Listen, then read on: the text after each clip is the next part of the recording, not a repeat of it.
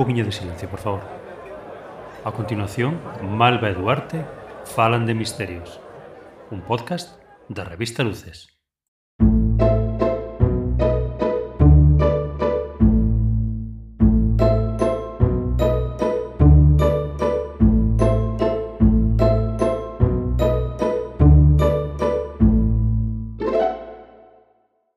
Bos días, boas tardes, bo entroido a todos.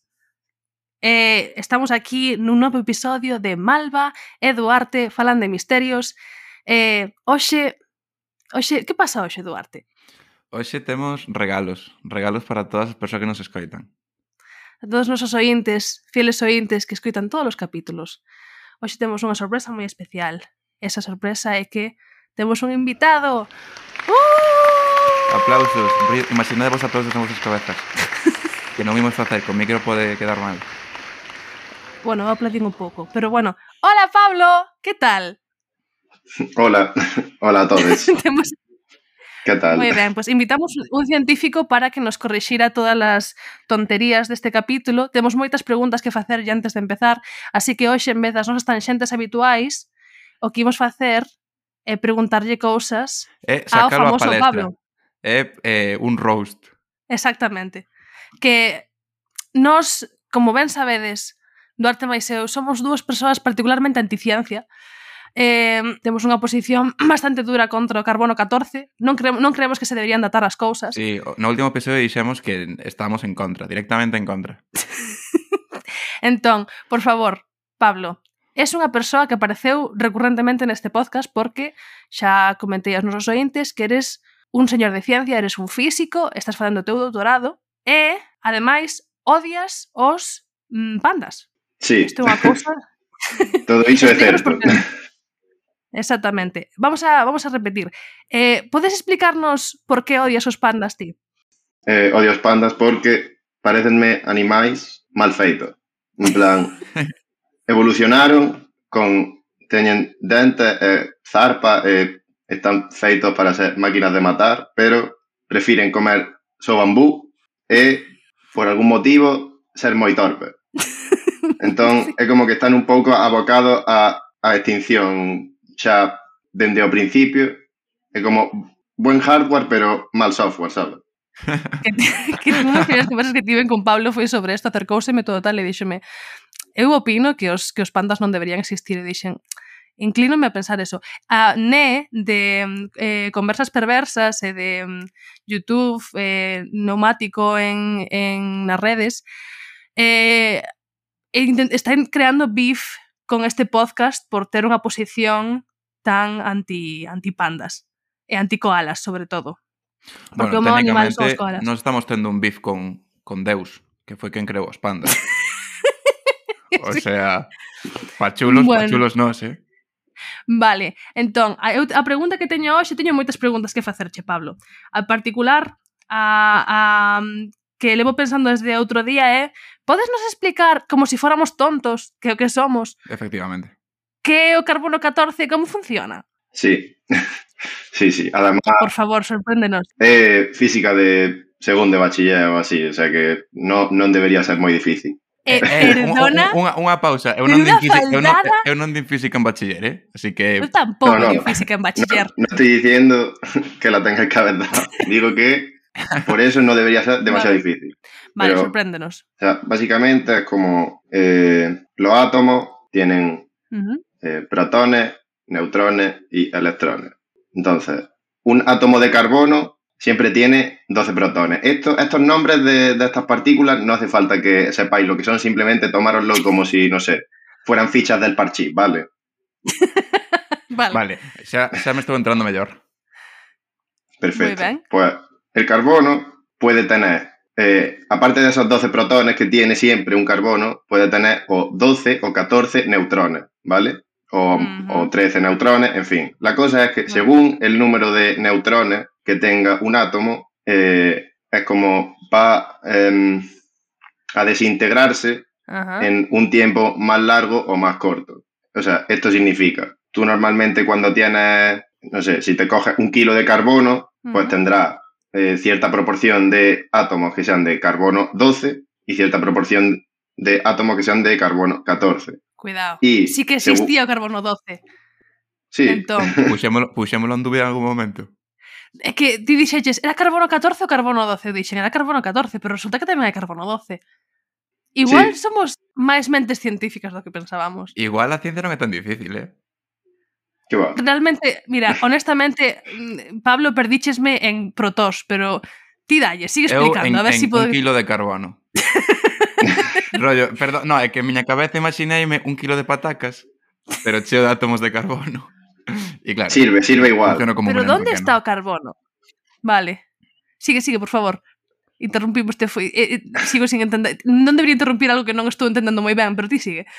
Bo, a cousa é, o carbono 12 e o carbono 14 van como desaparecindo dese kilo de carbón que ti tes a ritmos diferentes. Uh -huh. Entón, según canto lle quede de carbono 12 ou de carbono 14 a unha muestra, por exemplo, a un hueso de o que sexa, podes mm. calcular cantos anos ten ese hueso. Vale, vale. Creo que o entendo, pero creo que se o penso moito vou deixar de entendelo. Que é que pasa sempre que ciencia. Todas as cousas do mundo teñen carbono como para poder facerlle esa proba? Non, todas non. Pero a meirán de parte da causa que son orgánicas, rollo eh, hueso ou fósiles ou cosas así, suelen tener. É vale, unha okay, pedra, entonces okay. non se pode saber. Como se pode saber se, si, de, de, de, cando se puxo unha pedra nun sitio a través do carbono 14? Mm, Pódese, pues, porque isto, isto é, eh, é a movida que tiñamos no capítulo anterior que eu pensaba que o carbono 14 non servía para movidas que non eran orgánicas, e creo que unha pedra non é orgánica. Ou como sí, que, que, como sei. que creo? Non sei nada de, de, de categorización de cousas. A, a frase que máis lle digo a Pablo é como xa dixen no capítulo anterior, eso non significa nada para min. Porque dime cousas e, se, e sei que se si o penso igual podo entendelo, pero como tampouco estou moi disposta a facer como esforzo mental, porque son, son firmemente anticiencia, tío. Respeta mis, mis ideales. Eu son pro maxia, eh? que non implica ser anticiencia. Eu son pro Atlantis. Pero, eh, son, son contrapostos, entón. É verdad, algo nos comentaches de Atlantis. Falando eh, de Atlantis. Sí, por favor. En Jaén, que é o sitio do que son eu, viñera unha vez National Geographic a gravar un documental sobre a Atlántida de Platón. Que é a Atlántida de Platón? Cuidado. Entón, Algo así como unha mm, ciudad que estaba rodeada por un gran lago. E por lo visto, é como que en Jaén hai unha zona na que eh, os historiadores dicen que podía estar situada esa, esa cidade. O sea, xa que... Eh, vale, con esta, con esta Atlantis na vida real. Ahora, Atlantis está en Jaén? É que claro, con esta información que temos agora gustaría pedir sí. perdón por dicir que estaban nas Bahamas ou en Grecia. perdón, de verdad. Eh, Atlantis e Andalucía. Atlantis está en Jaén. Esto a mí pareceme unha información moi importante para este podcast. Porque Home, pensamos moito en Atlantis. Hai un punto que marca un antes e un despois. Isto marca un antes e un despois para nós, porque xa non podemos utilizar Atlantis para todo, porque se si está en Jaén, además nun lago. A mí... Está en Jaén podemos ir en coche. Va, eh, Bo, eh, son eh, si ti... desfalta fácil, eh. Bueno, bueno, bueno. A ver, se estivera en outro lado estaría máis lexos. Eh, se estive... Non están as Bahamas. Efectivamente. A cantos kilómetros eh, está Jaén do mar? Como, non sei, 200 ou así. Hmm. Cento e pico largo. Mm, Entonces, a teoría que estamos proponiendo aquí... Una hora en coche. Una hora vale. eh, 45 minutos o así. Muy ben. Entonces, a teoría que estamos propoñendo aquí, non? É que Atlantis non está no mar. Está baixo un lago. Non? Ou sí, non estou entrando eu? rodeada de... de mar... Está soterrada nunha zona na que había un lago fai moito tempo. Nada de cobre, vamos así. facer todo tipo de cábalas para que acabe sendo Jaén, eh? O sea, se que quitar a parte do mar de Atlantis, quítase. Os... O documental de National Geographic non só eh, estuda se estaba en Jaén, senón se estaba en outros sitios tamén. Pero Jaén era unha propuesta fuerte.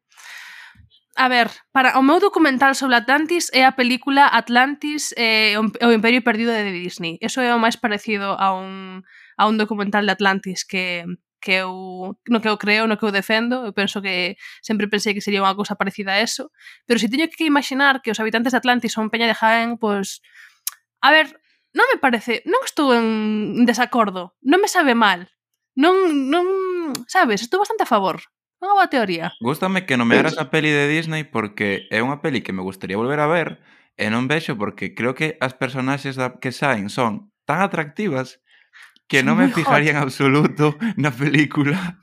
Mira, É que todas as persoas que saen nesa peli son demasiado guapas. vin a película outro día coas miñas compañeras de piso, con Sandra e con Ana, e estábamos flipando co hot, porque claro, ahora que somos persoas adultas, parecen os hots como as personaxes adultas, en plan de, oh, e hai un italiano que fai bombas, que é a persona máis hot del universo. Así que, eu sí, digo, todo o mundo debería vela e todo o mundo debería, pois, comentarme que pensa. Estes son os deberes para esta semana. eh, ver Atlantis, el Imperio Perdido, ver o documental de Jaén Atlantis de Pablo, é dicir que vos parece máis cerca do canon, sabes? Es que, que, que vos parece máis certo, a película de Disney ou o documental? Esta é a miña proposta. Son vos deberes, o sea, son os primeiros do podcast e... Claro, non vi na peli, eh? Non viches a peli, é que ti non viches ninguna peli. No. Eh, non viches non viches ninguna peli das importantes. Entón, pues, eh, das, importantes, esto, das importantísimas. Sai algún home pez ou algo así? Hai un... Hai... Teñen vehículos que voan con forma de peces. Guapísimo. Para que non nos saiba tamén, aparte de ser un espectacular eh, físico, Pablo é un xogador de waterpolo. Así que ten moito interese na auga e eh, supoño sí. que por eso igual igual eres de Atlantis, ti, e eh, por eso che gusta tanto estar na auga. Explicaría moito. Atlantis Jaén xogaba waterpolo tamén. Pode ser. Igual- Non sei cando, cando se creou o waterpolo. Igual, En, en 1995, como absolutamente todo. exactamente. A nosa teoría é que o creo. mundo se creou en 1995 porque mm, a partir do 1995 cando apar- aparecemos nós máis ou menos, e antes non existía nada. Como, probablemente ti que existía Claro, que algo día, antes que de día ciencia en 1995. contra diso? Que día ciencia en contra de que o mundo se creara en 1995? O carbono 14. Pero xa É explicamos suficiente. que non creemos no carbono 14. Creemos máis como era outro. Cal era outra proba para datar as cousas? Buah, ojalá sabela, nin idea. eh, buah, era con outro... Nin idea. Era outro, vale. outro material. Comprendo. Bueno. Ah, a ver, que en realidade o, o principio polo que funciona o carbono 14 podese aplicar a moito outro átomo, é así. Ah, Cal é o vosso ah! favorito? O sea, cal é o vosso elemento favorito? Uf, esa pregunta é moi boa, eh? pois, pues, pues, gracias, gracias porque que creo que non me sei, non sei dicir creo que máis de cinco elementos, así que grazas. Mm, eu son fan uf, dos elementos. Mm, creo que me gusta o helio. Por algo en especial. O helio é bo elemento. Sí. Non sei, sí. gustame o helio porque mm, porque ten nome de deus grego. Eh, Hai un deus grego, deus grego que se chama Helio. Sí, de feito o nome do Helio ven do nome do, do, do dios este. Si, sí, gustame moito a mitoloxía sí, no, grega. É o do sol. Mm, correcto. Sí. E ten un carro co que vai todos os días levando o sol dun lado para outro. É un traballo pues, moi digno, eh? Así se gana el pan. Como que levando o sol? O sol móvese? sí. Pois pues que móvese. Sí, claro que sí. Ah, cara, cara, cara, cara donde? Cara, onde se move o sol? Móvese... Onde, que, onde queres chegar? Alrededor, non sei, por, pola galaxia, e así. Vaise movendo... Igual que la Tierra o sea, rota alrededor del Sol, el Sol rota alrededor del centro de la galaxia. ¡No! Sí, sí. non, non sabía, pensaba que o Sol estaba quieto. Así que o Sol está sempre en movimento. Madre mía. Eu sabía que sí, estaba sí, todo de feito, caído. a velocidade é bueno. increíble. Chamou vostede o número das Woman's Planers Para solicitar un tema antigo, prema 1. Para propor temas novos, prema 2. Se é vostede un señoro que chama para explicarnos algo, non deixe unha mensaxe despois de escoitar o sinal. Cada xoves, para señoras con criterio e señoros en vías de rehabilitación, as Women's Planers, un podcast da revista Luces co patrocinio de Punto Gal. Bueno, Pois eu agora vou traer aquí un caso, vale? No que vou empezar a falar. Ui! Esa miña alarma. Está chamando o caso por ti. Está chamando, está chamando a ciencia. Está chamando a ciencia porque non quere que conte este caso, porque este caso escollí un caso a propósito que non creo que teña ninguna explicación científica porque quero verte sudar, Pablo, quero que sufras, quero que mm, que intento Adelante. explicar que isto que a túa ciencia e a ver que onda. Entón, vou empezar agora a falarvos así sin darvos ningún tipo de pista, vale? Entonces, na medianoite do 15 de decembro de 1900, o transatlántico o vapor Archo, Archo non sei ler este nome, eh, viña desde que viña desde Filadelfia e, e iba a, a cara a Edimburgo, parou a cas... pasou ao carón do faro de Alien Moor, ou Alien Moor, non sei ler isto porque isto está en escocés. Eh, e veu que a luz do faro estaba apagada, non? Eh, foron os primeiros en detectarse, de, de, decatarse de que algo ia mal. Pero cando chegaron a, a Liz días máis tarde, mm, non notificaron, a, o sea, notificaron a regularidade, pero non chegou a oídos do Northern Lighthouse Board. Para que non nos saiba, pois eso é como a movida, unha, unha organización que se encarga de vixiar e de levar os, os faros en, en Escocia. É, é unha organización é unha organización un pouco de pandereta, xa veredes por qué. Entón, no 26 de decembro, o barco desde 1900, o barco de aprovisionamento de faros eh, Esperus fixo unha visita rutinaria a Elian Mork e eh, o seu capital, Jim Harvey, pensou que era estrano que non voara a bandeira, eh, bueno, que estaba todo como moi, sabes, non había como sinais de vida, despois como que estaban lle dando a sirena para ver se si contestaban, non contestaban, non aparecía ninguén. Entón, eh, como non teron ningún tipo de resposta, mandaron un dos homes que traballaban no faro, Joseph Moore, a ver que onda. Eh, chegou el a illa, eh, viu que o último cargamento de provisión seguía onde deixara, el cando marchara en plan días antes, eh, ningún dos fareiros mm, foi a darlle a benvida. O portalón de entrada e a planta principal estaban pechadas, solamente estaba aberta a porta da cociña, o lume levaba apagado varios días, os reloxes estaban parados, eso significa que ninguén lle, lle dera corda, e as camas estaban baleiras. Os tres homes que traballaban no faro non estaban por ningún lado, vale? Isto empeza esa historia. De saber como esta historia vai poñer en jaque a ciencia. Xa verás, xa verás. Sí? Porque Esta historia, así como Vinimi, que é o do que falamos eh, o episodio pasado, é unha historia que as explicacións máis fáciles desafían a ciencia. As explicacións máis lóxicas desafían a ciencia. Entón, a ver... Teño ganas, teño ganas de saber cales son. teño como sete teorías diferentes, así que prepárense.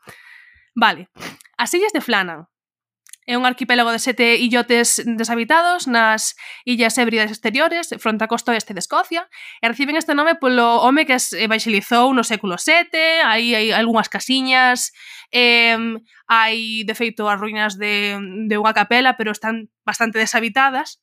Pero, explica isto con ciencia, Pablo. Eh, van aí moitísimos pastores no brao porque a erva desas illas, por algunha razón, potencia a que as ovellas que pacen ali teñan xemelgos e se curan antes. Xemelgo. Que, sí. que xemelgo en galego. Gemelos. Ah, vale, vale. En vez de ter unha ovella, tiñen dúas. Por qué? Mm. A herba deste sitio é máxica. Pero bueno. Pois non sei, pode ser que... Teño que dar unha explicación agora, un intento, o espero non tes por qué, non, se non a hai tamén podes aceptar mm, a, a derrota e non pasa nada. Ah, eu podo especular con cousa máis ou menos lógica. É que hai unha razón, o sea, hai, pode facer algo a erva para que saian xemelgos de verdad? Eh, non sei, pode ser que pode ser que a erva dese sitio pois, eu que sei, cheguelle algún tipo de de poder máxico. Polvo o alguna movida, no sé, por ejemplo, el, el Amazonas está así de verde pues, porque le llega un montón de, de arena del Sáhara que es como que capta partículas en su paso de- por el Atlántico hasta que llega al Amazonas y una vez llega allí es como que lo, lo germina súper bien. Pues podría pasar algo parecido con la hierba de este sitio y que por lo que sea tenga algún tipo de cosa que, no sé, a, la, a las ovejas les dé hormonas, ¿sabes? No sé. Ojalá a xente que nos escoita pudera ver a cara de Malva ahora mismo. Unha cara de, de... Se está inventando todo esto, verdad? Esto, esto es mentira. O que me estás contando, Pablo, sin ánimo de ofender, es absolutamente unha mentira que me acabas de contar. Non é posible que área do Sáhara sexa a razón de que a Amazonas sexa tan verde. Me estás mintiendo, eh? Sí, sí, é totalmente certo. Madre Unha, da, unha das razones, de feito, sí. E isto seino porque estiven vendo unha vez un documental sobre eh, proxectos para unir eh, Andalucía e África polo estreito de Gibraltar. en plan, proxectos para facer pontes super grandes Proxectos para que área do Sáhara chega a Andalucía se volva máis verde tamén. No, no. Entonces, Pero, entendo, entendo por sí. esto que o único tipo de documentales que ves que ves ti son sobre Andalucía. Son de Canal Sur todos. No, No. no, que va, que va. De feito, este estaba en Youtube, non sei de quién era. Bueno, pois eh, non sei se cre... vou decidir canto creo eu o que me acabas de decir. Eh, molaríame moitísimo que houvese unha ponte entre Andalucía e algunha parte de África. En plan, pareceríame lo más. Lo más de lo más. A ver, Eh, o vídeo vale. era sobre por que non deberían facer iso. Rollo, rollo para que non cheguen africanos. Sabes? No, rollo, non teña, non ten nada que ver ninguna con forma eso. de que invadan Andalucía. Non, non, non ponían ningún, ninguna, ningún motivo político, simplemente eran motivos medioambientales por los que no se debería hacer. Eh, todo eso suena un fake. En plan, Claro, ¿por qué ahora iba a haber un cando problema entro aquí Para de ciencia política e digo que eso é mentira, obviamente. é claramente un plan para que o al Andalus non se non, non rexurda. Como te sientes cara al Andalus? Como como home andaluz aquí representando eh, no noso podcast hoxe? Uf, é difícil, eh? A ver, no, non sei moito tampouco. Sei que tu, tivo así épocas como de eh, moito mm, crecemento cultural e así. Sei tamén que fai tres días, o 23 de febreiro, foi o aniversario de eh, unha quema de libros andalusíes moi importante que ocurrió en Granada, cuando ya estaban conquistados por los reyes católicos, dijeron la cultura andalusí a la mierda. Y quemaron como 4.000 libros así y poco más puedo hablar de esto, la verdad. No soy tampoco, no soy Vale. historiador. Bueno, a verdad que estamos pedindo moito de ti agora, en plan, estamos pedindo que sexas experto en absolutamente todo o Eu que pensaba que un científico sabía de, de absolutamente todas as ciencias. Bueno, historia é unha ciencia? No lo sé. Creo que, creo que sí. Eh. Que alguna vez falei con un historiador que me dixera que sí que... No, me... que, que che vai dicir un historiador, obviamente. Tamén digo eu que a miña é unha ciencia. A historia no, eh? é unha ciencia da mesma forma que a ciencia política é unha ciencia, creo eu. De unha forma un pouco esotérica, sabes? Unha forma un pouco... Rollo, chego... Eh, no, esto de verdad, esto... Creo que nas universidades españolas pasa... Bueno, mundiais, entendo. Pero é que creo que se está desvirtuando moitísimo a palabra ciencia. O sea, eu teño un colega que estudaba comunicación audiovisual e, o tipo día díxome que, que daban que daban a ciencia da comunicación. A ver. Bueno, bueno, mm. a ver, a ciencia da comunicación. Na, na, na, na, na, na. na. é como se digo eu, a, en plan, a ciencia da carpintería. Se me poño tonto. Unha... Eh, sí, sí, se me a poño tonto, sí, no, existe, o, o, pero a ver.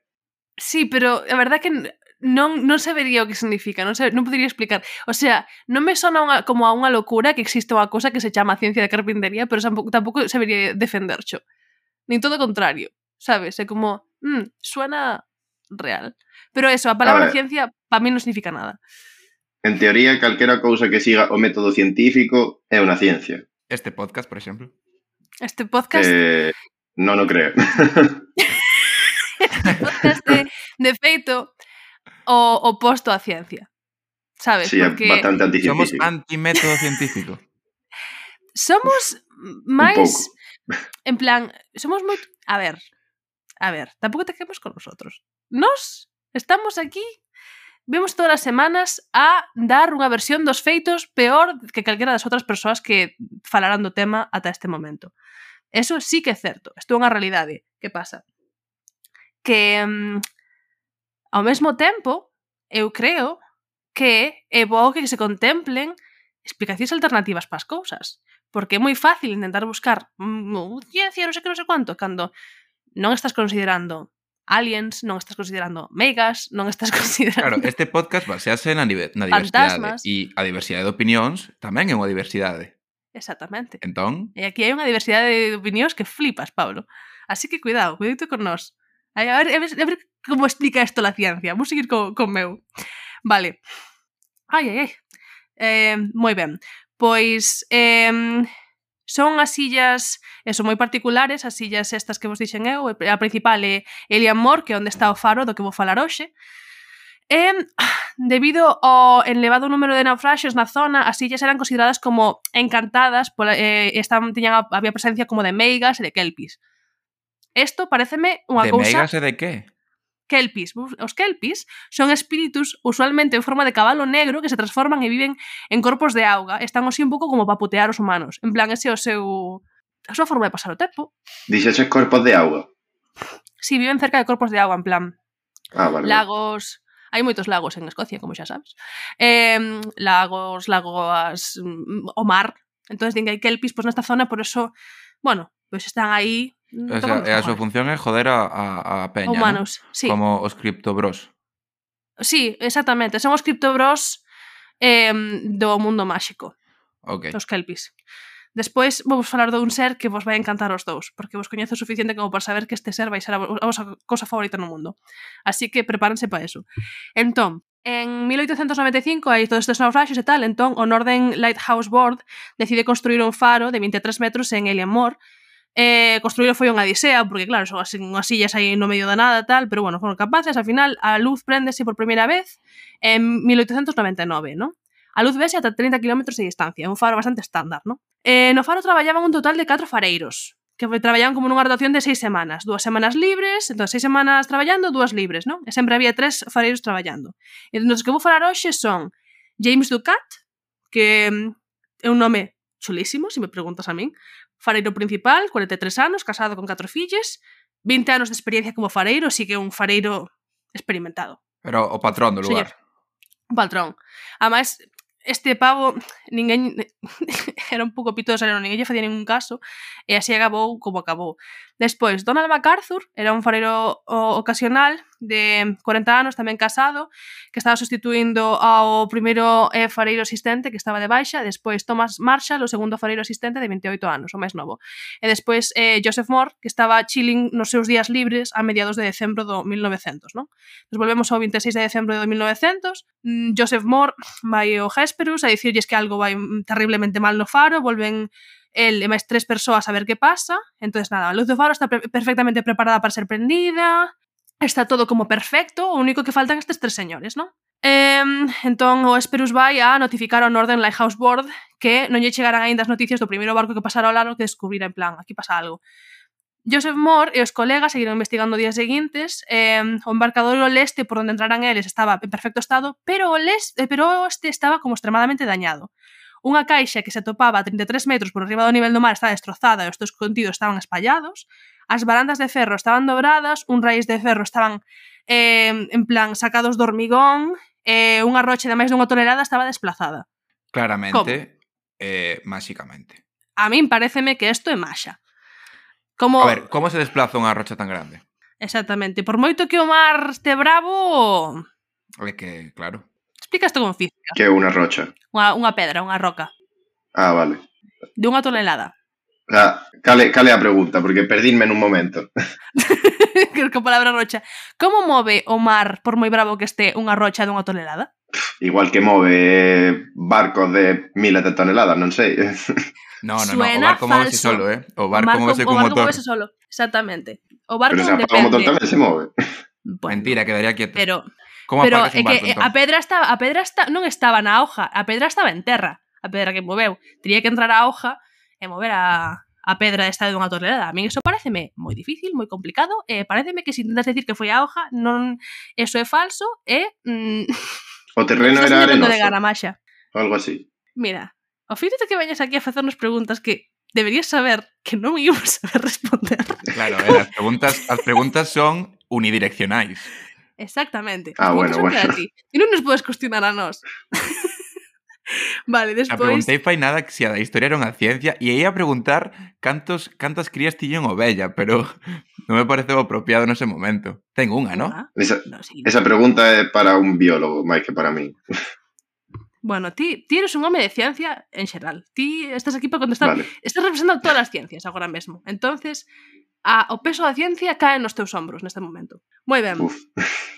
Se non se equivocaron ao pinchar, xa saben que isto é a actualidade está sobrevalorada, un podcast de luces e que debullaremos o que faga falta con Ana Luisa Bouza, analista finestilista. Hola, Ana. Hola, José Manuel. E con Antón Losada, Mariñan Lover e Rudo Fajador. Hola, Antón. Hello, aquí estoy para este party e quen irían de bailaríns? Urdangarín Dangarín e, e o Emérito. O Emérito xa non está pa, mira que... Tes, Igual é que precisa un pouco de movimento de cadera. A cadeira tocou, quedoulle tocada de canto o elefante aquel famoso. Agora hai caderas con motor, eh? Igual no, pode... No, pero non traspasemos esa línea vermella, non traspasemos esa línea vermella. Bueno, deixamos isto nos eh, creadores de memes eh, mm, Alberto e Alfonso como bailaríns de Tanxugueiras abrindo a Porta Santa. Con golpes de karate. Con golpes de karate. Tanxugueiras con dereita, Podregada, Regias. E Santalices de percusionista.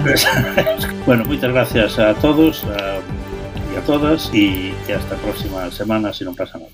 A próxima vez que vayan clicar en internet, pensen no pobre casero. Entón, eh, está, todos estes destrozos nun dos, nun dos eh, embarcadoiros, non? E bueno, eh, mirando a roupa que deixaran os compañeiros, Moore foi capaz de determinar o que levaban cando desapareceron, e MacArthur leva, eh, deixara a súa única chaqueta no faro, en decembro, no norte de Escocia, vale? Como entón, que única? Só tiña sí, unha? Tiña unha chaqueta. Pero por qué? Porque non necesitaría máis. Joder, Ai, que non sei, pero por se si acaso. Ti sabes o número estándar?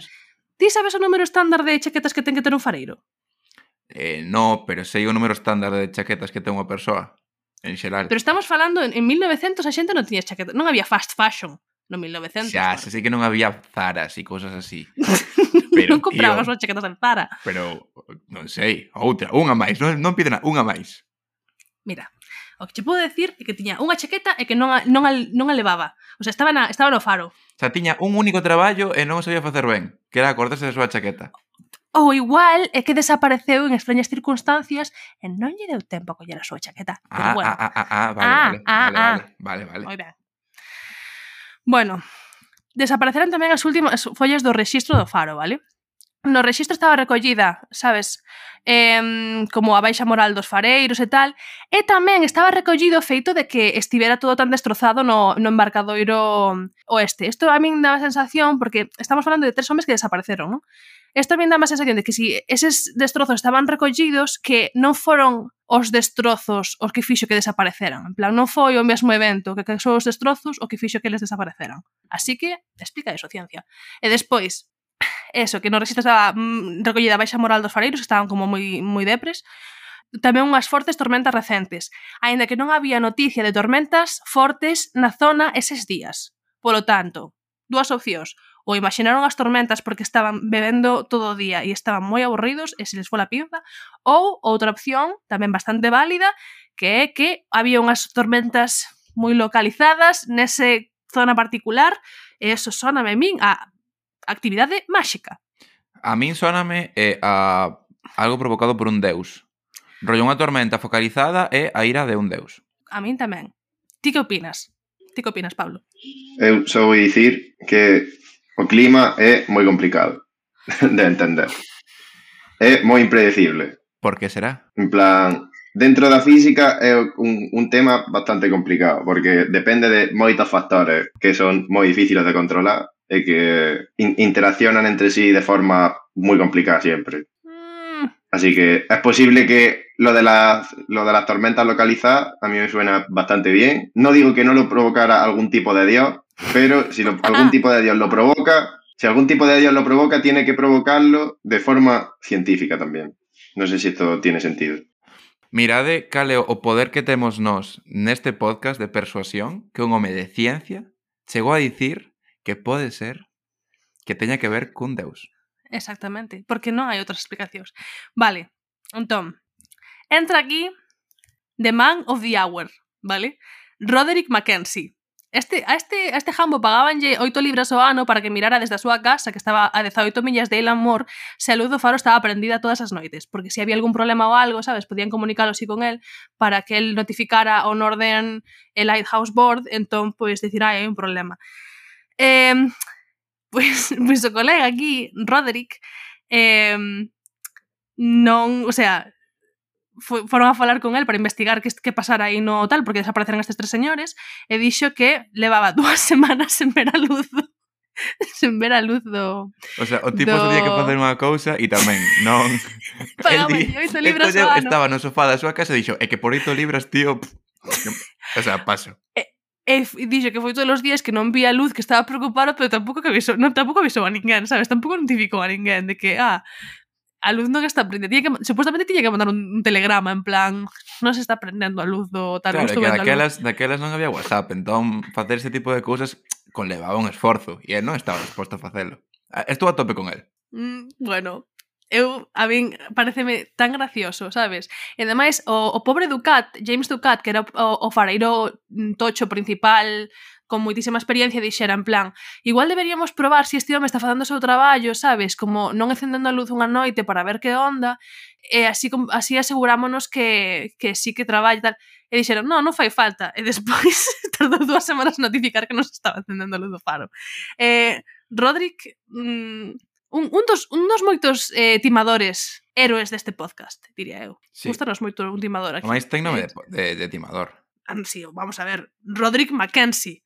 É o nome máis guai de todos eh, O sea, eu xa estou vendo un cartel de Se Busca con o nome de Roderick Mackenzie.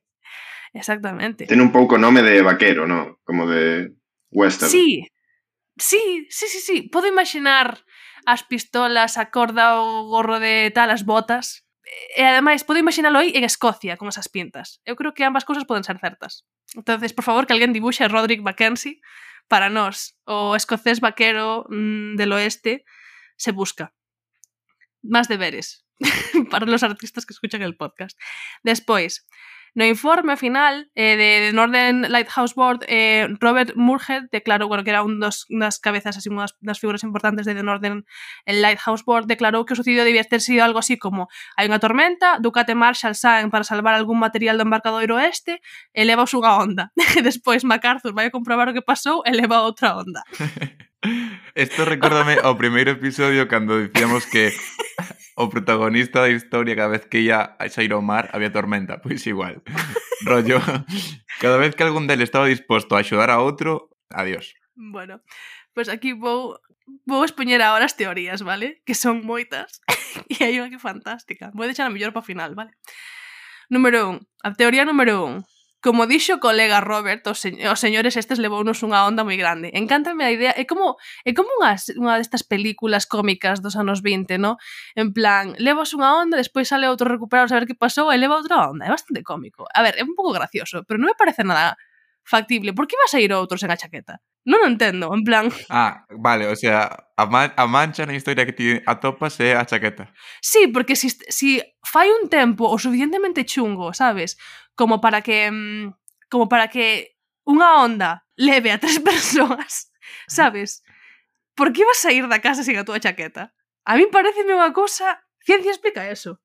Igual non había unha tormenta. O mellor pensou que ia ter que nada e dixo para que volaba a chaqueta. Vai me pesar máis e me meto na auga. Pero pode deixala por aí, sabes? Quero dicir, pode deixala aí ao lado da rocha de, de unha tonelada. Que, que, que yo Tamén che digo, Se, se, hai onda levándose ao teu amigo por aí. Pa que saes? Non creo que a chaqueta sexa o primeiro no que penso. Pero eu si, mira, eu quero vos moito, a, a vos dous, si vexo que unha onda vos leva, yo me quedo en casa, yo non salgo por vosotros, aí os quedáis. Eh, Farías eu sinto ben, eh? moito, eh? o sea, eu non vou ir detrás de vos sin a miña chaqueta ainda por eu riba. Hai certas situacións nas que onda. entendo que axudar é peor que non facelo. Rollo, imagina si que, que onda... me estou afogando no mar, vale? e ti non sabes nadar. A que cona ves axudarme? A morrer os dous xuntos. Exactamente. Eu eu non faría o que din que fixo aquí MacArthur, sabes? No, eu tampouco, eh. No, no, no. A mí Contra parece unha, non cosa, unha movida... Exactamente. Eh, na ciencia non creemos, pero na, na ira da natureza sí. Efectivamente. A segunda teoría tamén me parece espectacular. Vale? Levou nos o vento. É posible eso? É posible eso, sí, ¿no? Pregunta totalmente xenuína, eh? Levo unos... Eu tampouco sei. Sí, porque, a ver, si os, si o vento pode mover coches e movides, como non vai poder mover un humano? Pero rollo, Pero... Como, como de rápido ten que ir o vento para levantarme a min do chan e levarme? Como de rápido e potente ten que estar? É unha zona de moito vento, eso sí que, sí que o sei. Non te podo decir moito máis. Pero... Que fuerte, non? Que a ver, se pode, se pode partir árbores e cousas así. Dan, un vento de 120 km por hora parte un árbol fácil. Sinto... É que non teño ningún tipo de referencia de non entendo como o vento pode correr a kilómetros hora. Non é algo que imagina, entendo. imagina un coche na autopista. Pois pues imagina eh, un ser creado e feito de vento correndo ao lado. Eso sería a cousa máis visual para eh, comparar. Mm, vale valeche esa, esa imaxe visual é válida, Pablo? Ou... Sí, sí, totalmente. De feito, eh, seguramente se algún físico ten que modelar o vento, faríano así. pois pues xa está, xa está.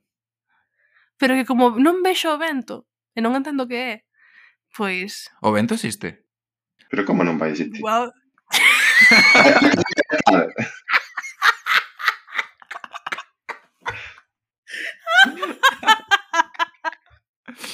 É que, a ver, eu creo que si, si non podo ver algo non existe, ¿no? Bueno, Mati, estás conmigo. Eu estou con Duarte. O, o Bluetooth, o Bluetooth non existe. Isto este é unha das dos, dos puntos de contención. Eu non entendo o Bluetooth, por que non, por que non o vexo? Eu o Bluetooth. Si, si eh... existe, si funciona, por que non o vexo? O Masha. É, eh, é gracioso, porque o Bluetooth funciona máis ou menos igual que funciona a a luz, en plan, ti todo o que, o, o que entra polos teu ollo está feito do mesmo do que está feito o, o Bluetooth, por así dicirlo. Vale. Quero que os nosos ointes vayan agora a Twitter e me digan se entenderon o que acaba de decir Pablo. Isto non é a primeira vez que mo di. Díxome en plan, unha vez, a luz e o Bluetooth son operando unha forma parecida. Eu a luz vexoa con estes ollos que teño. O Bluetooth non o vexo. Como van a ser a mesma bueno, cousa? Bueno, técnicamente hai luz que non podes ver. Claro, o Bluetooth é luz da que o, non se pode ver. O, Rollo o, ultravioleta é así, eh, eh, non, la, ves, non a podes eu, ver, eu, pero o Bluetooth, o Bluetooth esta non é ultravioleta porque se fose ultravioleta sería perigoso. Penso que é infravermello que se chama, creo, pero non estou seguro tampouco de cal é o rango de frecuencia do Bluetooth. Duarte, e tú, Brute, acabas de poñerte do lado do home de ciencia e intentar darlle razón? A ver, non sei. Palgo que sei, joder, déxame fardar. Mira, mira, eu, se non, se non o vexo, non existe. Eu, xa está, non pasa nada. Vale. É como o microondas. O microondas como xa. te crees que quenta as cousas? Hai enanos hai, dentro. Hai, aquí, aquí entra un dos puntos así importantes. Da, hai un fallo fundamental dentro da tua pregunta. Dixes, como crees que funciona o microondas? Non creo, non creo nada. Solamente non sei que, que as cousas entrofrían, entrofrían saen quentes. Non entendo como. Magia, magia. Entón, de verdade, que unha cousa... Eu creo que múltiples enanos que viven dentro do microondas con chisqueiros pequenos prenden lume ao redor do meu leite e, e sai quente. Funciona así, non? Eh, Podería ser, pero so solamente que terías que cambiar o enano por eh, a onda que emite o microonda. Podería ser solamente vale, que, que non é. Que, Querades saber como funciona o microonda. Moito, eh? Sabes sí, que pasa? Sí. Que, que, que creo bueno. que non lo vas a explicar e non, eu non, non bueno, faino, faino. Veña, sí, sí. Sí, sí, sí. Hazlo. Vale, a ver, así de forma graciosa é como si o microonda fuese o teu móvil uh -huh. e o leite que pos dentro fosen os teus auriculares. Xa me perdín. Sí. Esto está, está intentando explicarnos como funciona un microondas utilizando de exemplo o Bluetooth dos auriculares. Esto hai un problema de base enorme. E nin sequera con Esto... Bluetooth. Con cable tampouco sei como funciona. Eh, eh como, como viaxa o sonido polo cable? Como, como vai o sonido para, para ir polo cable atrás? Non entendo manda... que do que estamos usando. Ele... Manda electricidade... Eh... Claro, é que te... falta moita base, é que é moi difícil explicar as cousas. Vale, basicamente, invitamos a un home de ciencia porque nos dixera sodes un pouco estúpidos para entender calquer cousa da que estás preguntando. Viñanos ben que alguén nos dixera cara a realidad. o sea, a xente que nos escoita ninguén nos dixo sodes imbéciles. Pero seguramente bueno, a maioría o pensan creo que a maioría, creo que hai unha gran maioría de xente que en plan, entendo que o método científico é unha cousa importante que existe, que a ciencia, entendo a ciencia respecto á ciencia, pero en moi, eh, ojalá pudera expresar en voz alta o pouco que me entero do que, do que me teño que enterar ao respecto, sabes? En plan, hai cousas que parece que, claro, cando unha ve as, co complicado que entender todas esas movidas, digo, claro, así a xente facía como movidas de mitoloxía e tal, é moito máis fácil inventarse movidas así máis fantásticas, é máis, ¿no? é máis divertido. Claro que sí. Podgalego. Podgalego.agora.gal Oh, ah, eu sabía que era punto. A ver, veña, dicímolo outra vez. Podgalego. Podgalego. Podgalego. Podgalego. Podgalego. Podgalego.agora.gal No, outra vez, outra vez, outra vez que non está, non está grande agora. Moita xente facendo cousas moi interesantes que está comunicando en galego. podgalego.agora.gal um, Despois, teoría 3 de, das estas. Esta teoría tamén é bastante é, é dentro das das plausibles da ciencia, non?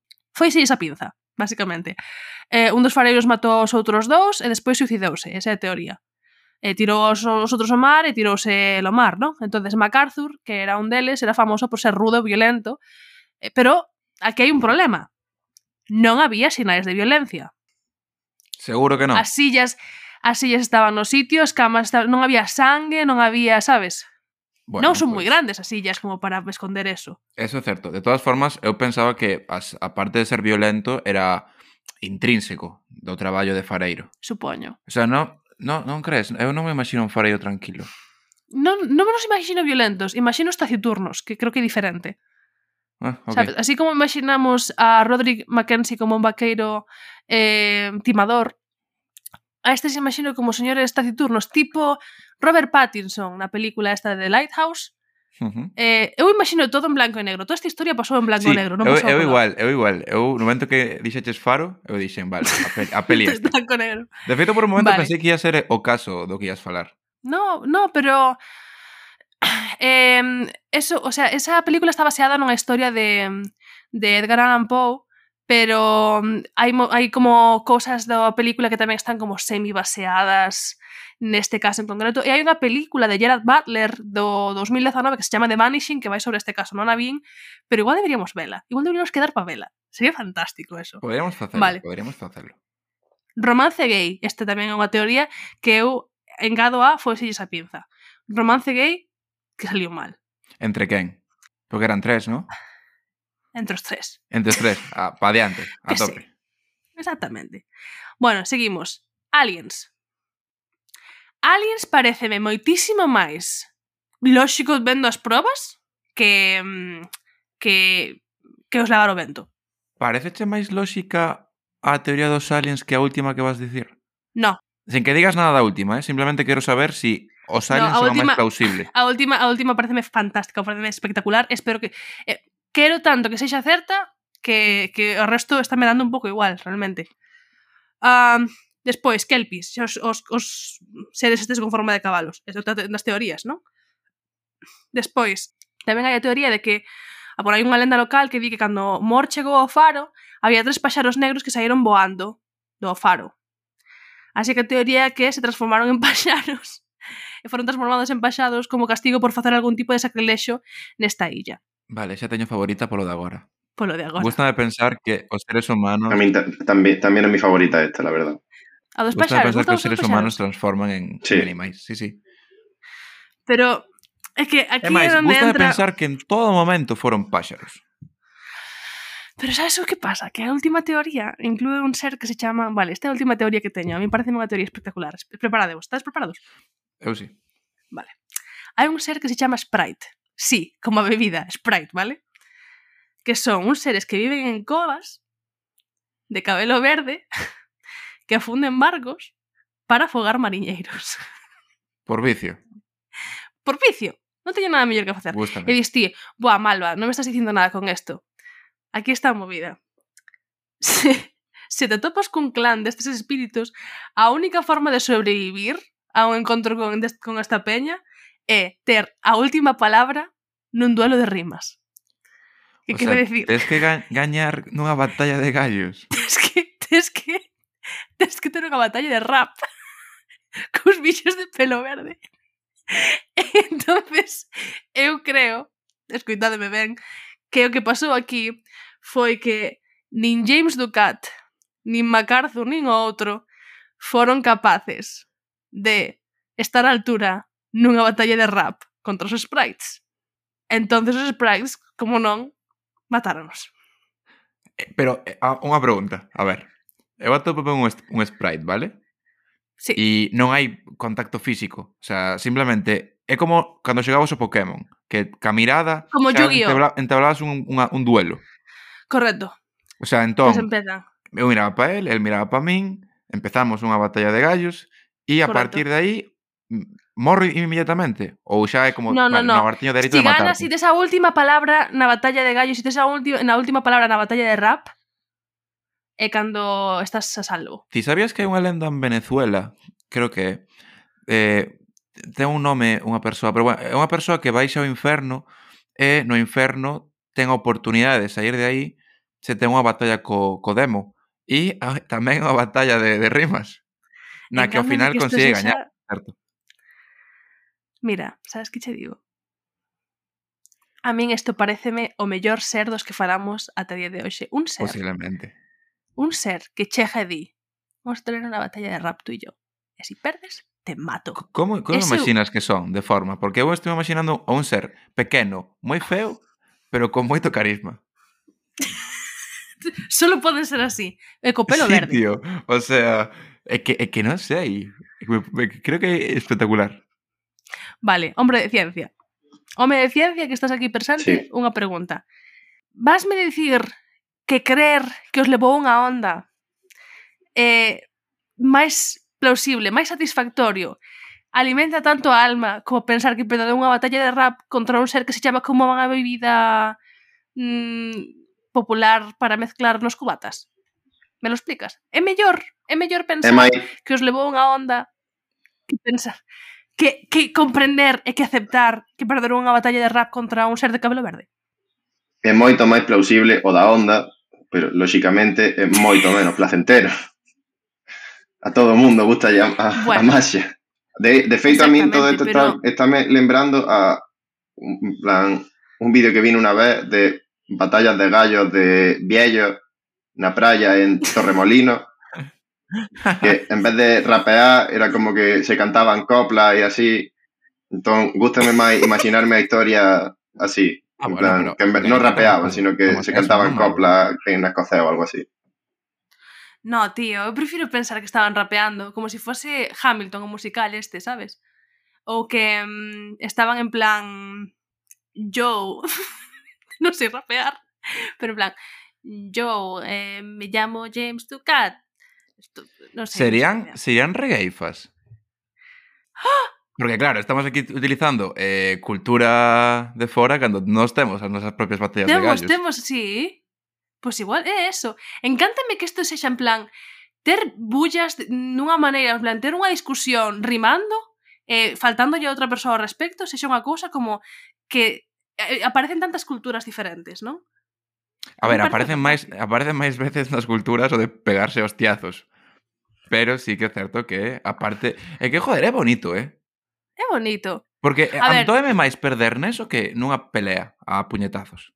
Desde logo que sí. Porque mira, é que ademais eu como non sería capaz, a min parece unha cosa super complicada.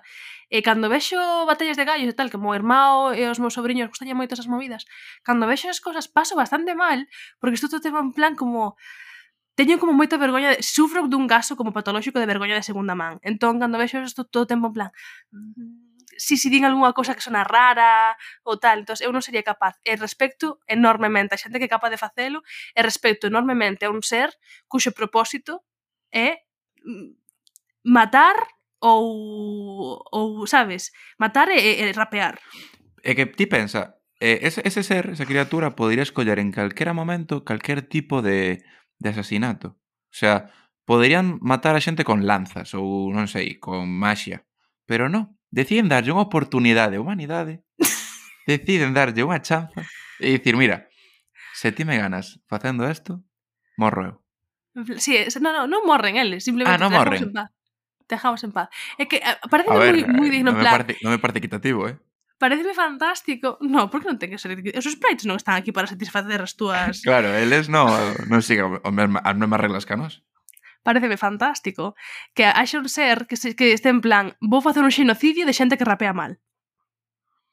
Pois pues mira, Eso, a, top, este a tope, con todo respeto ao mundo, de xente que non sabe rapear. Que opinamos deso? Dos xenocidios? Non, dos xenocidios no. dos xenocidios de xente que non sabe rapear. Eu sería a primeira persoa en irse nese xenocidio. Ah, eu tamén, eh. Así que... Eu igual. Eu tamén, eu tamén. O, no, o 90% da humanidade probablemente estaría out. Eso quedaría arcano, como salvador a la humanidad entera. Claro, estamos dispuestos a que o líder da humanidad es arcano. Arcano. Porta, Porta, Eminem, ¿sabes? Habría Ahora una es que necesitamos, pero no nos que merecemos. A, a Manuel ¿eh? Miranda. Porta, Arcano e Eminem, ¿eh? O Reyes Magos. El Immanuel Miranda de Hamilton. Bueno, menos mal que quedaría alguien, alguien guay. Ai, Dios mío. Mira, polo menos sabemos que se eso pasara e houbera unha extinción masiva de xente que non sabe rapear, os musicais seguirían existindo. Lin Manuel Miranda estarei aí levantando o país. Efectivamente, ves? Non está todo gracias, perdido. Gracias por tanto, Lin Manuel. Bueno, pues entonces, con esta conclusión, a ver, cal é a vosa teoría favorita, xa para rematar? A miña teoría favorita xa sabedes cal é. Vamos a ver, a miña tamén. Pablo? Lóxicamente, a Spray molan moito máis.